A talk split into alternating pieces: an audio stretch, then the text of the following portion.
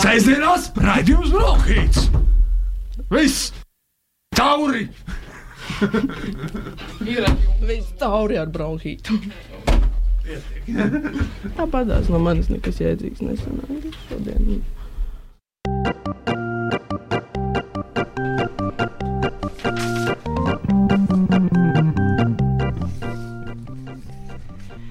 Labrīt visiem pirmdienā! Es gribēju teikt, sestdienā. Labrīt visiem sestdienā! Pagaidiet, cikos vispār skan bronhīts? Radījums Bronhīts skan radio Naba Viļņos katru otro sestdienu, pulksten trijos pēcpusdienā. Skaidrs. Sveiciens visiem trijos dienā un noteikti ne deviņos no rīta. Šeit literatūras raidījums Bronhīts kopā ar jums katru otro sestdienu. Mans vārds ir Marija Luīza Meļķe. Un es esmu Lotte Vilna Vītiņa. Mēs pamazām iemācīsimies šo raidījumu vadīt. Šis tomēr ir mūsu pats pirmais ieraksts. Bet kopā ar mums abām studijā ir cilvēks, kas pavisam noteikti prot vadīt bronhītu. Tā ir Signe Vīška. Signe, dziesma pirmā, ko mēs dzirdējām. Kā tu izvēlējies viņu? Jā, pirmkārt, čau visiem. Uh, Tik savādi sēdēt pults otrā pusē, bet es neteiktu, ka slikti. Un par pirmo dziesmu pavisam vienkārši man nevajadzēja ļoti ilgi domāt, jo tā bija dziesma, kas bija pati pirmā, ko es atskaņoju rādījumā, Bēterā, vadot rādījumu Bronhīts pirms trim gadiem. Signe, um, tu vadīji šo raidījumu trīs sezonas pēc kārtas. Interesanti pajautāt, kā, kā tu jūties tagad, kad tu atstāji šo mikrofonu, pildīto telpu. Nu tā, salcērīgi. Nu, es, protams, priecājos, ka varu šo nodot labās rokās. Bet uh, nu, tā kā jau katrās nu, tādās, es negribu teikt, ka tās ir pavisam beigas, jo es negribētu teikt, ka es nekad neatgriezīšos nabā, bet ir tāds nu, mazliet žēl, jo tomēr tas arī piešķīra kaut kādu arī vēl vienu ritmu dzīvē, ka tu katru, nu, sākumā katru sestdienu, katru otro sestdienu dodies uz nabu, runā par literatūru, un tas uh, dažreiz arī uzlaboja ne tikai dienu, bet arī nedēļu. Jā, runāšana palīdz sevišķi par literatūru. Bet, jā, es priecāšos pieslēgties nabai katru otro sestdienu, paklausīties, kā jūs ar šo tiekat galā un ar visu to jauno, ko jūs ienesīsiet gan bronhītā, gan vispār rādio naba.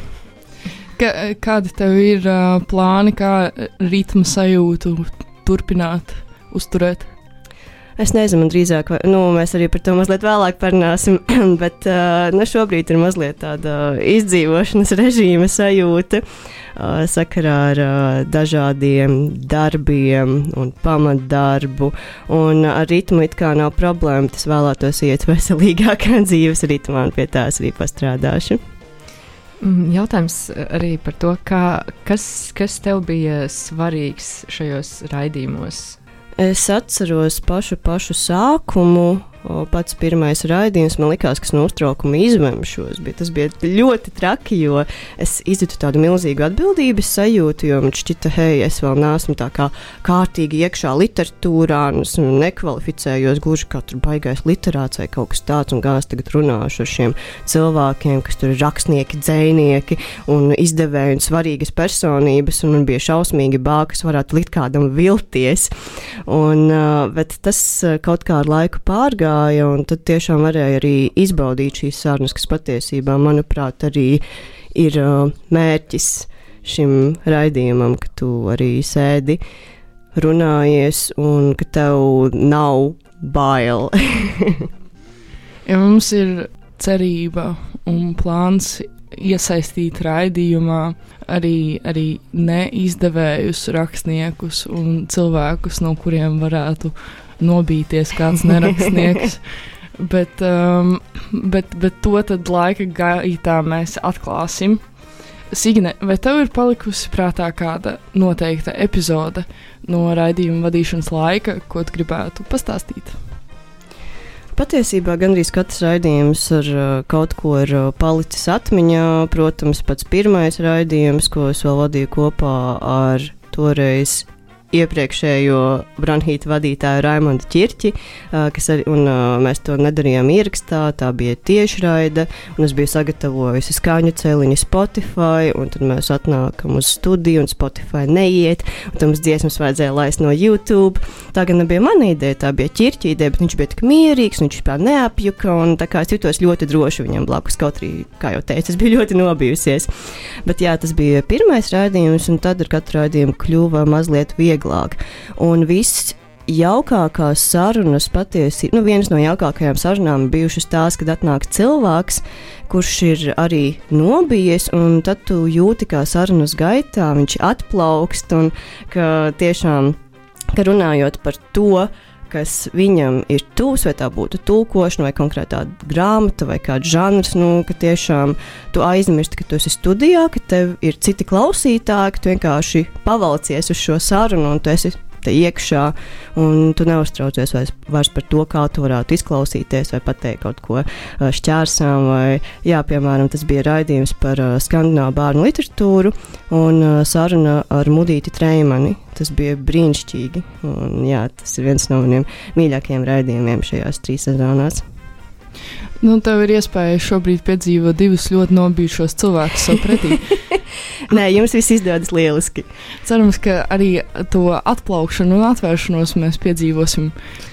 Man jautājums arī vēl uh, Signē par to, kā, kāda tev ir sajūta, kā tā raidījumu veidošana papildināja kā, tavu pieredzi sakarā ar, ar literatūru un to, kā, ko tev nozīmē un kā tu viņu piedzīvo. Un vai tas bija kaut kas tāds, kas bija, nu jā, kāds, kāds varbūt papildina tavas attiecības hmm. ar literatūru. Patiesībā bronhīts tās papildināja vistiešākajā veidā, jo nu, brīdis manā dzīvē, kad es sāku vadīt bronhītu, bija nezinu, baigais trips. es tikko biju sākusi studijas maģistrantūrā un uh, arī aktīvāk nodarboties tiešām ar rakstīšanu un tulkošanu. Un tad nāca šis piedāvājums, hei, varbūt tu gribi būt bronhītam. Tāds, jā, man šausmīgi bail, bet jā, es to gribu. Un, uh, nu jā, un tad tu esi brīvprātīgi bies piespiedu kārtā šajā nu, literatūras plūsmā, ka tu tiešām ļoti aktīvi seko līdzi tam, kas notiek, un tad tu arī saproti, ka tu vairāk analizē un domā, hmm, vai es par šo varētu runāt, vai es uh, par šo gribētu runāt, un pat ja man tas ko es izlasīju, varbūt sevišķi nu, neinteresē vai netik ļoti patīk, bet varbūt tik un tā ir vērts par to runāt. Un, jā, man liekas, ka manas kritiskās uh, spriestspējas ir augušas šo trīs gadu laikā. Un uh, arī tas, ka es tik ļoti novērtēju, ka ir iespēja satikties šādā formātā ar cilvēkiem. Ne tikai parunāt uh, bārā, pie vīna glāzes, bet uh, arī šeit studijā. Un ka katrai sarunai tomēr ir milzīga pievienotā vērtība. Un, jā. Jā, man liekas, arī no tās manas pieredzes, cik es esmu intervējis cilvēkus, un tā nav galīgi liela ir kaut kas ļoti tāds vērts. Tā kā pil, tā sarunā ir, ir pilnīgi kaut kāda cit, cita struktūra nekā nu, vienkārši sarunā, kuras satiekos kādu, jo man ir svarīgi interesēties par šo cilvēku un attiecīgi. Tu viņam uzdod tādus jautājumus, kādus tu viņam neuzdotu pie tās bāra lietas vai, vai kaut kā, un tas iedziļinājies tajā, ko viņš dara. Un uh, tu gribi nu jā, kaut ko no viņa dzirdēt par viņa dzīvi. Un, man liekas, tas ir uh, forši vienmēr pēc tam tā sajūta. Tad jau jēgpilns tas sarunas sanāk. Tu pie bārlietas nekad negribi dzirdēt par cilvēku dzīvēm neko. Jā, arī. Nē, tas man neinteresē bāros. Bāros sēdzēt. Limonādi, piemēram. Um, šogad rādio Naba un tostarp arī pašam Bronhītam ir pienākusi 20. sezona. Tas nozīmē, ka Bronhīts skan kopš man bija 5 gadi. Jā, man sanāk, ka man bija 9 gadi. Ja ņem vērā, ka pirmais nabas raidījums skanēja 1. decembrī. Signe, kā tu atceries 20 gadu vecumu? Tev bija, vai varbūt joprojām turpinās ceturdaļa mūža krīze? es teiktu, ka varbūt tad sākās, un tā īsti nav beigusies. ah, 20 gadi tas bija pirms pieciem gadiem. Um, spilgtākais notikums noteikti bija mani mēneši Erasmus uh, apmaiņā Vācijā, Freiburgā. Un uh, tur arī man tā kā pielica, ka ok, vācu valoda un tulkošana tiešām ir tas, ko es reāli gribu darīt. Un tagad pēc pieciem gadiem esmu nu, profesionāli tajā vietā, kur es tiešām gribētu būt. Uh, es teiktu, ka pirms pieciem gadiem es biju stipri laimīgāka, un tagad ir tāds bišķīt lejupslīde. Un ka ir uh, mazliet uh, nācies aplausties un saprast, ka, nu, ka pasaulē ir diezgan, diezgan uh, daudz smaguma, bet es ar to cenšos tikt galā, un literatūra palīdz. Un tā, bet uh, es arī paskatījos uh, gudrīdos, kas notika pirms pieciem gadiem. Tas bija gads, kurā es izlasīju 51 grāmatu. Es to neesmu pārspējusi. Es wow. nezinu, kādā veidā. Es vienkārši skatos, tas sakšu, tāds, wow, ok, ok, tas ir uh, krūti. Un tur arī sāka parādīties vairāk bērnu un jauniešu literatūras, kas ir mans lauciņš. Un man šķiet, ka arī nu, tad es sāku kļūt uh, par, nu, tas bija tā kā sākums, brīdis pirms es izjūtu nu, tiešām to, ka es esmu daļa no literatūras. Man šķiet, jā, 20 gadi. Kā tu tieši ar to bērnu un jauniešu literatūru kaut kā nonāci tur tajā vietā? Mm, tas kaut kā notika ne gluži pats no sevis, bet uh, man liekas, tas vienmēr bija kaut kur fonā, tikai es to nebiju tā baigi ņēmusi vērā vai um, pozicionējusi to kā kaut kādu savas personības daļu vai uzsvērusi to. Bet, piemēram, ir grāmata Anna no zaļiem jumtiem, uh, mm. autora Lūsija Montgomery, un uh, par Lūsiju Montgomery bija arī uh, raidījums iepriekšējā Bronhīta sezonā. Un, jā, Anna no zaļiem jumtiem it kā ir bērnu un jauniešu uh, literatūra, bet uh, es šo grāmatu izlasīju pirmo reizi, kad man bija 13 gadi, un kopš tā laika es viņu diezgan bieži pārlasu. Un arī Anna no zaļiem jumtiem dēļ pārkrāsoja rudus matus. Kad es mācījos vidusskolā, man piecus gadus bija rudi mati. Tagad jau viņi ir attauguši. Bet, jā, un uh, Anna no zaļiem jumtiem ļoti ir ietekmējusi manu pasaules skatījumu, redzējumu, tā var teikt. Un, jā, un es sapratu, ka bērnu un jauniešu literatūra ir ne, literatūra ne tikai bērniem un jauniešiem, mm. un ka tas arī ir vērtīgi tulkot un ienest latviešu literatūrā kaut ko no citām literatūrām. Lotte, 20 gadu vecums. Man liekas, ka tieši man, man ir kaut kā otrādi, ka 20 gadu vecums man bija diezgan depresīvs vecums un uh, es studēju Mākslas akadēmijā, glezniecību. It kā neizklausās slikti tik tālu. ah, bet tas bija mokoši.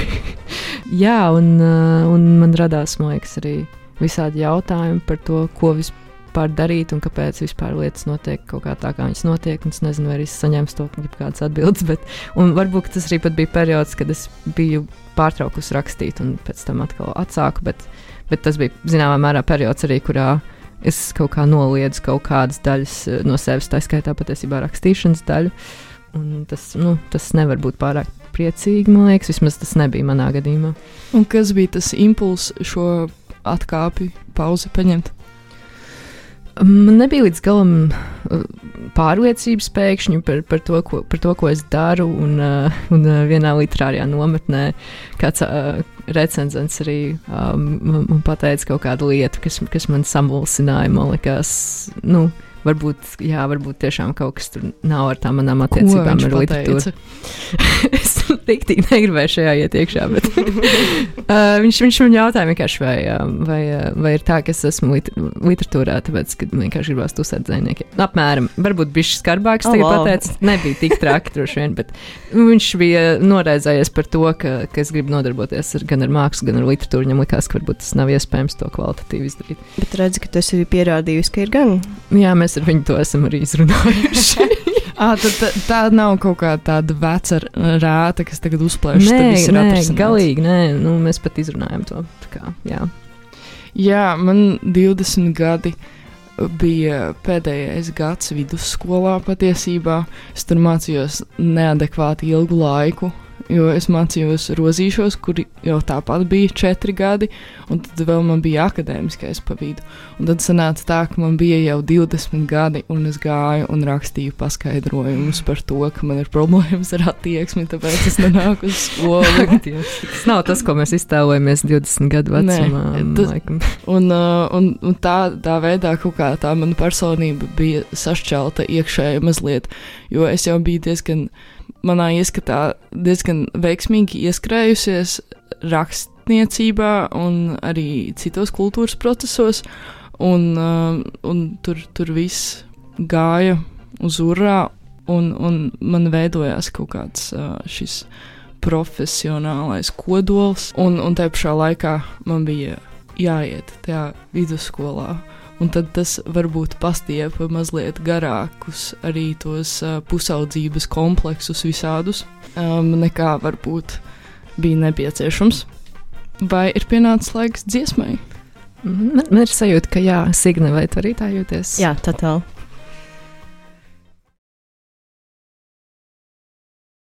Sēžamās raidījums Brokhīts! Viss! Tauri! Viss tauri ar bronhītu. Tāpatās no manis nekas jēdzīgs nesanāca šodien.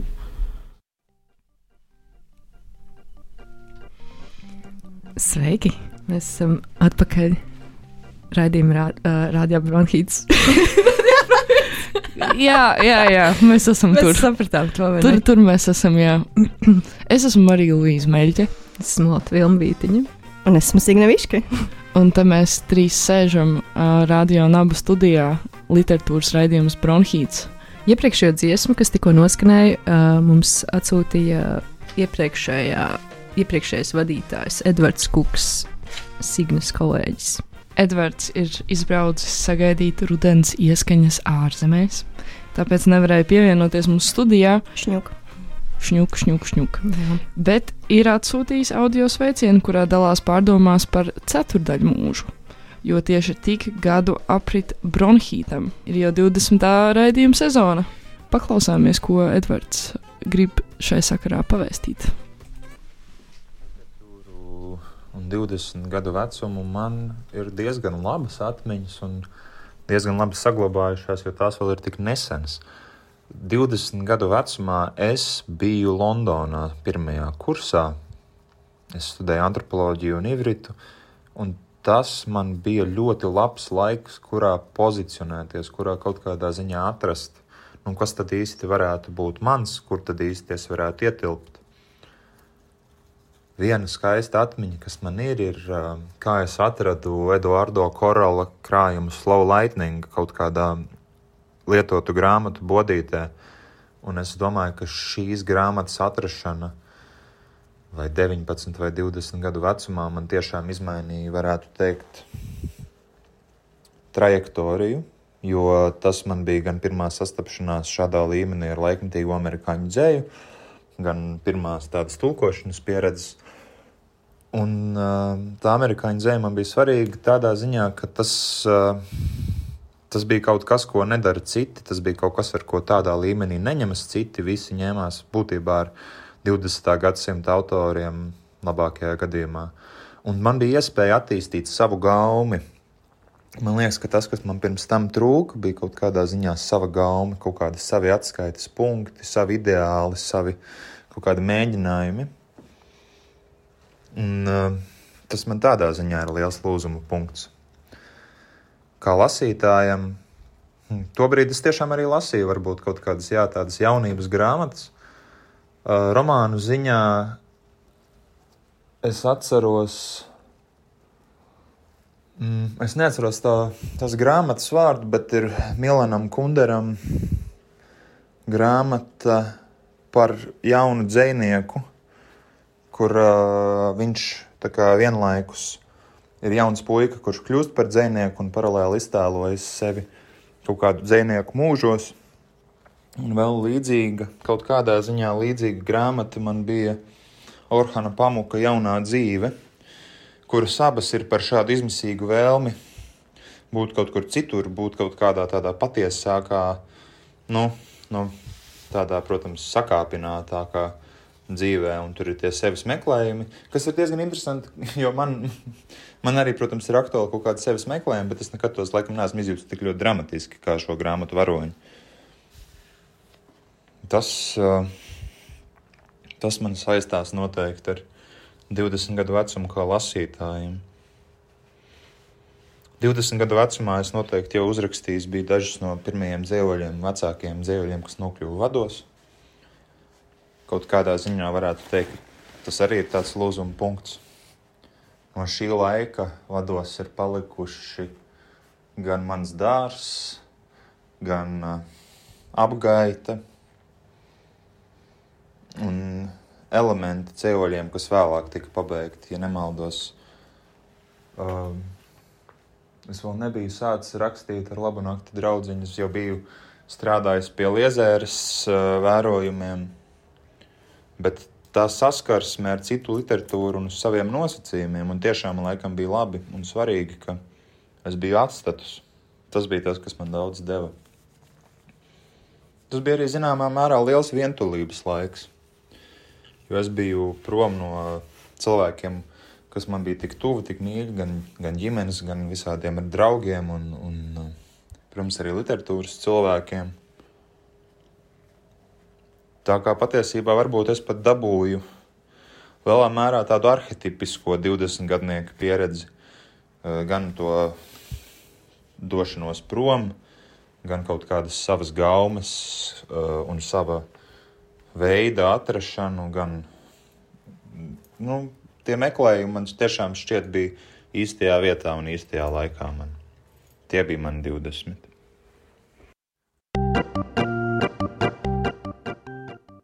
Paldies Edvardam Kukam, iepriekšējās raidījuma bronhīts sezonas vadītājam. Jā, es nezinu, man pavisam noteikti ir kā reiz dramatiski šie sevis meklējumi.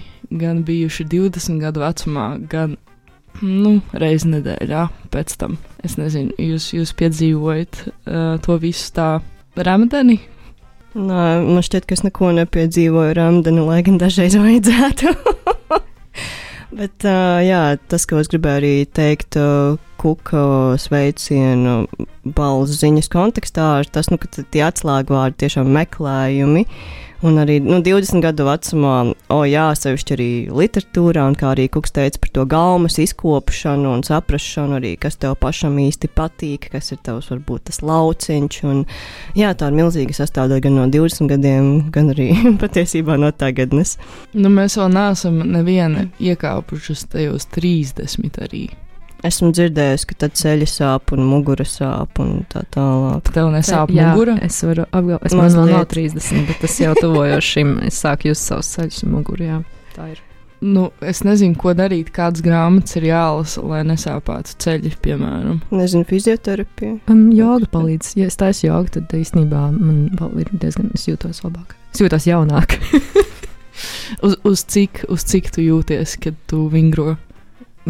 Uz par cik gadiem jaunāk? Um, nu, es teiktu, nu, 24, piemēram. 24. Ā, Tavā rakstīšanā 24 gadi saistās ar, ar kādu laiku. Es domāju, kur tu nonāci radoši arī tajā vingrošanā. Sapratu, wow, baigies jautājums. Es nezinu, vai tas tā, es nebiju par to tā domājis. Es arī nezinu, vai tas tā strādā, bet, um, bet uh, ma, man liekas, ka, ka 24 gados es savukārt jau gan biju jā, atsākusi atkal rakstīt ceļu. Un uh, es domāju, ka labi, ka tā. Un arī uh, man bija viena lieta, par ko es domāju, ka man jāpastāsta uh, Marijai Līdzei Meļķei. Tās Um, mēs. Tātad es biju atmetusi to rakstīšanu, un uh, es biju Mākslas akadēmijas karnevālā nonākusi, un tur bija dzīslis slams, kurā piedalījās Marija Līsija Meļķa. Oho, Un, uh, un es iegāju iekšā, man liekas, tieši tad, kad tu uzstājies, un tev bija dzējos par, uh, par pirkstiem. Jā, tev bija tāds dzējos. Un, uh, un es skatījos, uh, kā, kā tu viņu skaiti, un man liekas, tev bija uh, varbūt zaļs uzacis. zilas visticamāk. Un zaļi mati. Nē, uzacis nē. un zaļi mati. Es nezinu, nē, laikam, nē, Cilvēki brūna ļoti, cilvēki ļoti pārspīlēti atceras šīs lietas.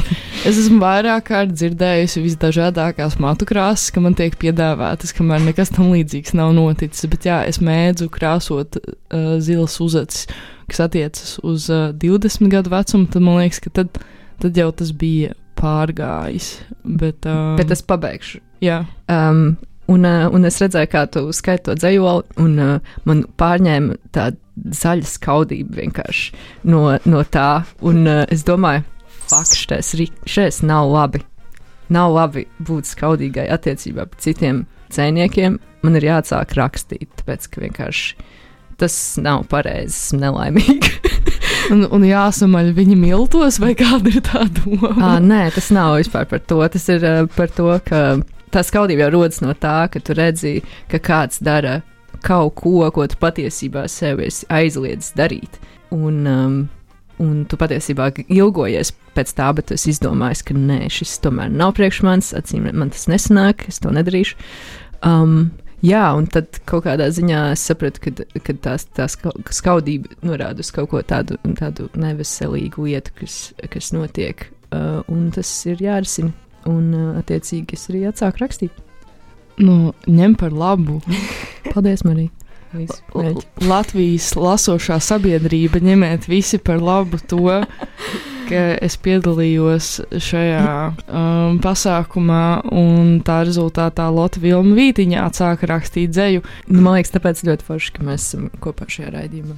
Nu, mēs varētu pārslēgties pie nākamā segmenta šajā sarunā, un proti, pastāv tāda iecerē, ka varētu katru raidījumu atskaņot ierakstu, kurā iepriekš būtu runāts ar kādu tautas pārstāvi, kurā šis cilvēks nolasītu kādu tautas dziesmu. Jo tautas dziesmas ir tautas dziesmas, un tad viņi varētu arī meklēt šīs dziesmas tajā tautā. Kā arī brīvi refleksēt uh, par to, re refleksēt. tas tas nav vai ne? reflektēt. Tur, tur Refleksēt tā glezniecība, tev tur ielauzās iekšā. Jā, liekas. refleksiņi. bet, bet tas ir ka, tas re, refleksis, kurš uzspīd. Tā ir, tas, tas arī īstenībā strādā. Mm -hmm. Reflektēt, es gribēju teikt.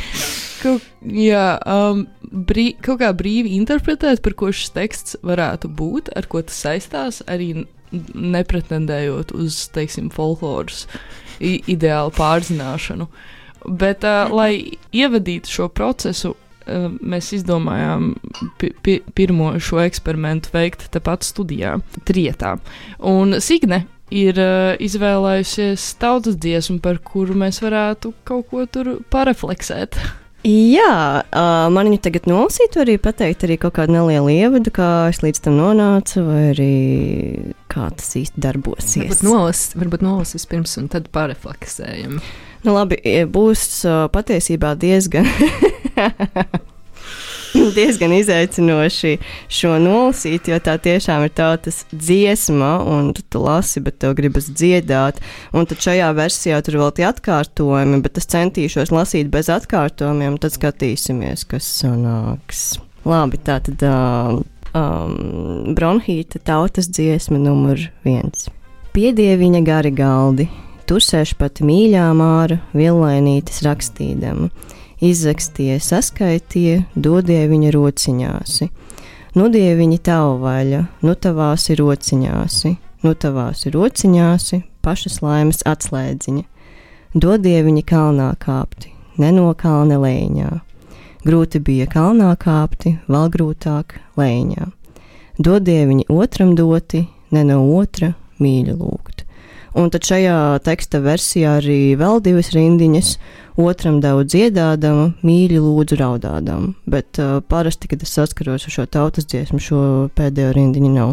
Tāpēc es mazliet samulsusi. Bet it kā tās iepriekšējās rindas, kādas tur tas ir, dod tur otram doti, ne mīļi nu, lūgt. Sensu, jā. Tas, tas, tas tīri labi saslēdzas kopā. Jā, nu, lūk, par šo tautas dziesmu. Nu, pārsvarā es ar šo esmu saskārusies tieši latviešu, un ka to dzied uh, latviešu valodā, un tas man arī saistās ar tādu mājas un kopības sajūtu.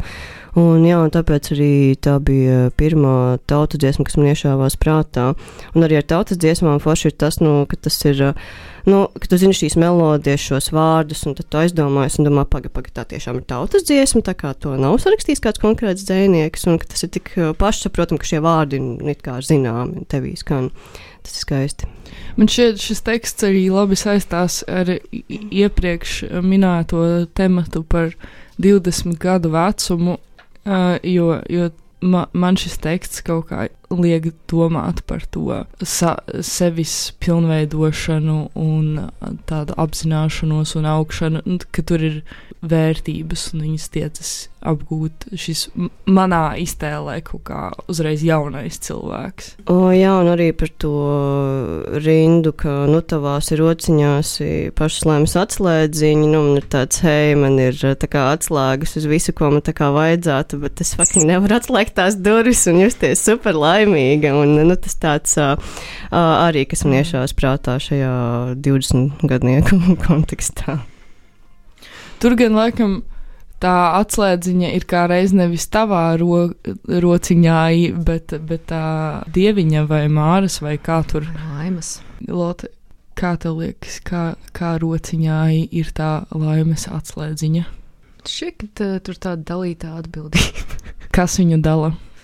Um, es teiktu, ka, ka es un dieviņš. Mēs varam kaut kā bez šī viņa arī dalīt.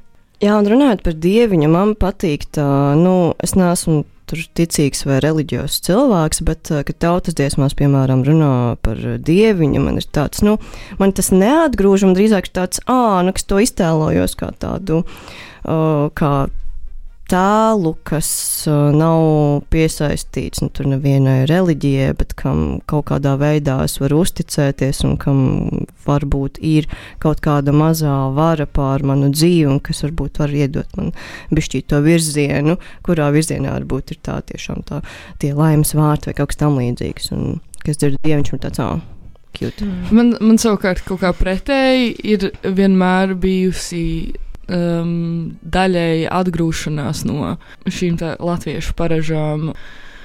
Un rakstītā vārda tradīcijas tieši saistībā ar pagānismu un, un šo um, abstrakto dieviņu un, un, uh, un kaut kā tā, kaut ko lūgt mārai neierakstījās manā izpratnē par ticīgu cilvēku dzīvi. Un, uh, un tad ir bijis diezgan tāds uh, likumots ceļš nokļūt pie intereses par, par šiem tekstiem un spēt viņus novērtēt un priecāties par to, skatīt to uh, filozofisko jēgu tautas dziesmām. Man liekas, skaisti arī tie, tā tēlainība, kas ir tajās tautas dziesmās, un, uh, un interesanti meklēt arī um, to tēlu nozīmes, kas ir nu, reāli bijušas tajā laikā arī. Um, kas, mēs ar Mariju Līzi pirms tam par to runājām, ka nav tā, ka it kā obligāti būtu tas jāzina, bet, piemēram, fakts, ka, ka uh, apēst cūku viņiem nozīmē apēst tumsu ziemas tumšajā periodā pirms pavasara, man liekas, ir ļoti poetiski, ļoti kaut kā man atstāja uz mani vaigo iespēju vēl lielāku, kad es lasu kaut kādus tos tekstus. Bet, jā, tas, tas man liekas, ir uzrunājoši tautas dziesmās. Jā, šis arī visādā ziņā tēlēns un skaists teksts. Mēs varētu noklausīties tēlēnu un skaistu tekstu mazliet laikmetīgākā izpratnē, bet arī ne pavisam jaunā.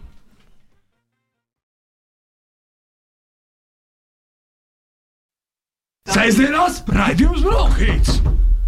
Viss! Tauri! Ir viss tauri ar bronhītu. Tāpatās no manis nekas jēdzīgs nesanāca šodien. Esam atpakaļ Radio Naba studijā. Šeit literatūras raidījums Bronhīts. Es esmu Marija Luīze Meļķe. Sveika, Marija Līsma Mēļķe. Man sauc Latvija un Vītiņa. Un ar mums kopā šeit, šorīt, šodien, šovakar, vienmēr ir neviens cits kā nepārspējamā Signe Viška.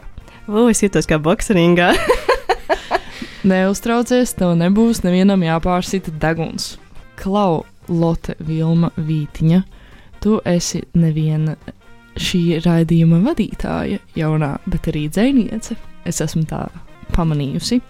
Kā tev liekas, ko nozīmē dzēniekam rudens? Tāds jautājums, piemēram, man iešāvās prātā. Viens ir tas, ka mēs jau droši vien zinām, ka rudenī notiek tās um, labi zināmās dzēsdienas. Man rudens arī saistās ar to kaut kādu dzējoļu lasīšanu pie raiņu laustajām priedēm, un, un krīt oranžas lapas. Un, uh, No priedēm. nē, nu, no kļavām, kas tur arī ir. Bet viņas nav, Raņa kļavas. viņas nav raiņu kļavas. Vienkārši. laustās kļavas. Nu, jā, un kaut kā tā, un, un es cenšos pārāk daudz par rudeni nerakstīt. Um, man bija šī bail no tā, bet, uh, Vai tas ir klišejiski? Vai Tas arī var var būt riskanti, bet- Aha. bet um, es paņēmu līdzi vienu autoru, kurš man liekas nenormāli daudz raksta par rudeni. un Tas Viņš, ir, viņš uh, ir ar mums, viņš, viņu paņēmis Tas ir- līdz pašu autoru. tas ir Georgs Strāklis. Lūk, Uh, studijā tātad ar mums, mīļie klausītāji, ir arī Georgs Strāklis. man ir prieks, ka viņš varēja šodien ierasties. Es īstenībā gribēju to tekstu nolasīt, jo tas ir pirmais dzējolis, par ko es atceros, ka viņš man rīktīgi ietekmēja. Tā man bija kaut kādi 14, 15 gadi, un uh, tas ir Amants aizspriedes atzējojums, un viņi to lasīja vienā pasākumā, un, uh, un man tas tā kaut kāds teksts izsita korķis, ka es pēc tam pie viņas gāju un prasīju, vai es varu norakstīt un ierakstīju savā kladītē to dzējoli. Un es tāpēc gribēju jums nolasīt viņu. Tas saucās Psalms um, divi, man šķiet. Klusums, it kā aklie noslīgtu pie rudenīgajiem mūriem, ar apsūnojušiem deniņiem, klausīdamies kraukļu lidojumā. Rudens zelta klusums, tēva vaigs ņirbīgā saulē, vakarā brūno ozolu mierā iegrimst vecais ciemats, smēdes sarkanā dārdoņa, pukstoša sirds, klusums, zem loknām salpuķēm, meitene noslēpj gausajās rokās savas pieres hiecinti. Baiļu un klusu ciešanas, pārgrieztās acis piepilda istabas mīkrēsli, veco sievu, stomīgie soļi, aizbēg purpura mute, lēnām izdziestot tumsā. Mazrunīgs vakars vīnstīgās, no zemajām griestu sijām nokrita naktstauriņš, zilganā miegā aprakta nimfa. Pagalmā kalps skauj jēru, saldais asiņu smārts apmiglo mūsu pieres, akas dzestrumu tumšo. Sērojiet par mirstošo asteru grūtsirdību, par zelta balsīm vējā. Kad iestājas nakts, tu uzlūko mani ar sapelējušām acīm, zilā klusumā tavi vaigi sairst putekļos. Tik rāmi dziest nezāļu ugunsgrēks, kļūst mēms melnais dīķis pie mājām, it kā krusts kāptu augšup zilajā kalvārijas pakalnā, it kā klusošā zeme izgrūstu laukā savus miroņus. Tas tā mazliet iesildoties uh, Helovīnam arī, manuprāt.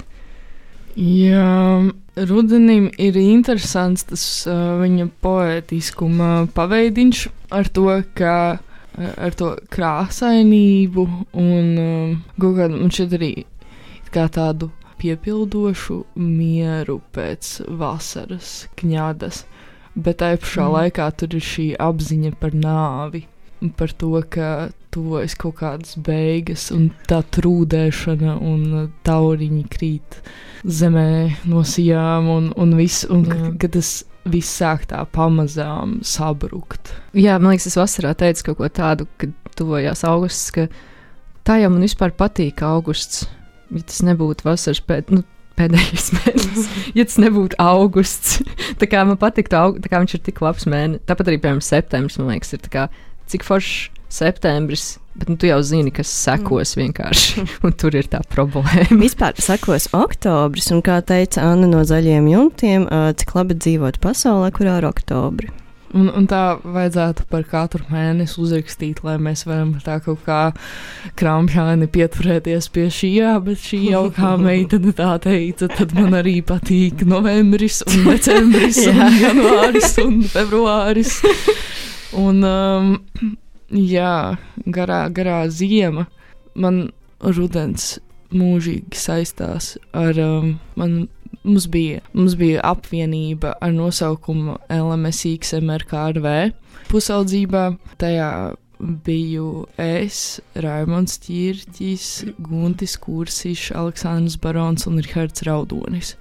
Mēs neko konkrētu nedarījām, bet tas bija kaut kā saistīts ar dzēju visu. Un tad Guntis Kursišs, kurš uh, vispār ir, uh, man tāds iespējas radies, katru savu dzīves mirkli ļoti izteiksmīgs. Viņam bija īpaši spēcīgas attiecības ar ūdeni, un viņš varēja vienkārši kliegt rudens, un, un, viņu, un vi- viņš bija tik galēji iedvesmots šajā gada laikā, un uh, runāja par to, ka ir jāklausās melanholiskais valsis un jāstaigā pa čaku ielu un kaut ko tādu. Nu, es to visu atceros kā tādu, kā tādu tiešām uh, siltu krāsu un uh, bļāvienu virpuli, un, un tad es tiecos kā uzsēsties uz tās no drauga aizgūtās sajūtas par šo gadu laiku. Teikšu, ka šogad man pārāk nesenāk, bet varbūt, ka, varbūt, ka pārāk nesen ir iesācies. Var, varbūt, ka tad tajā oktobrī varēs sajust to visu. Vēl kādi pēdējie vārdi par melanholiju varbūt. Jā, laba doma. Man liekas, tas iet roku rokā ar runani. Ir īpaši lasot to trāklu dzējoli. Jūtu, jūtu melanholiju. Nu, ko, ko tas nozīmē, ka tu jūti melanholiju? Tagad pasaki. Nu, tas ir uh, kaut kā tā, ka viss kaut kā tā bišķīt saplok, bet vienlaikus arī iegūst skaistāks aprises, un tev kaut kas bišķīt smeldz kaut kur, kā bišķīt kaut kas iesāps. Bet uh, tas reizē kā sagādā kaut kādu zināmu baudu.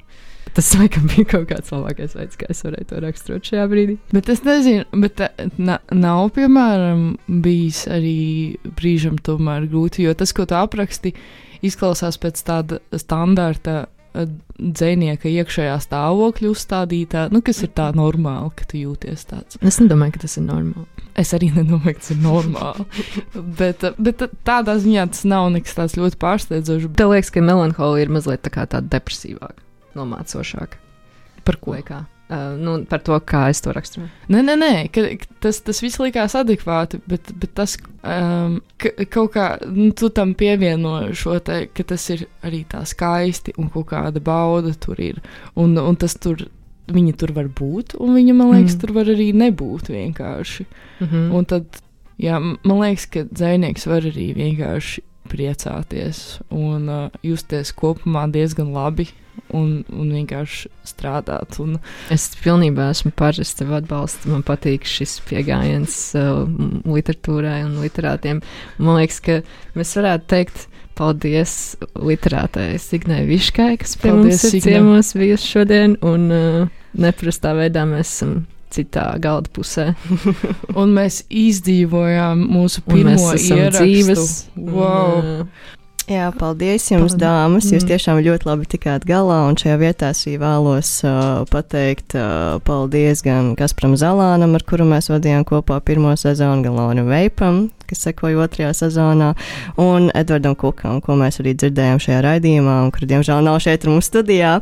Bet uh, jā, paldies viņiem, paldies jums, paldies klausītājiem. Es ceru, ka mēs uh, sadzirdēsimies vēl kādreiz nebā. jā, paldies klausītājiem. Tiekamies drīz.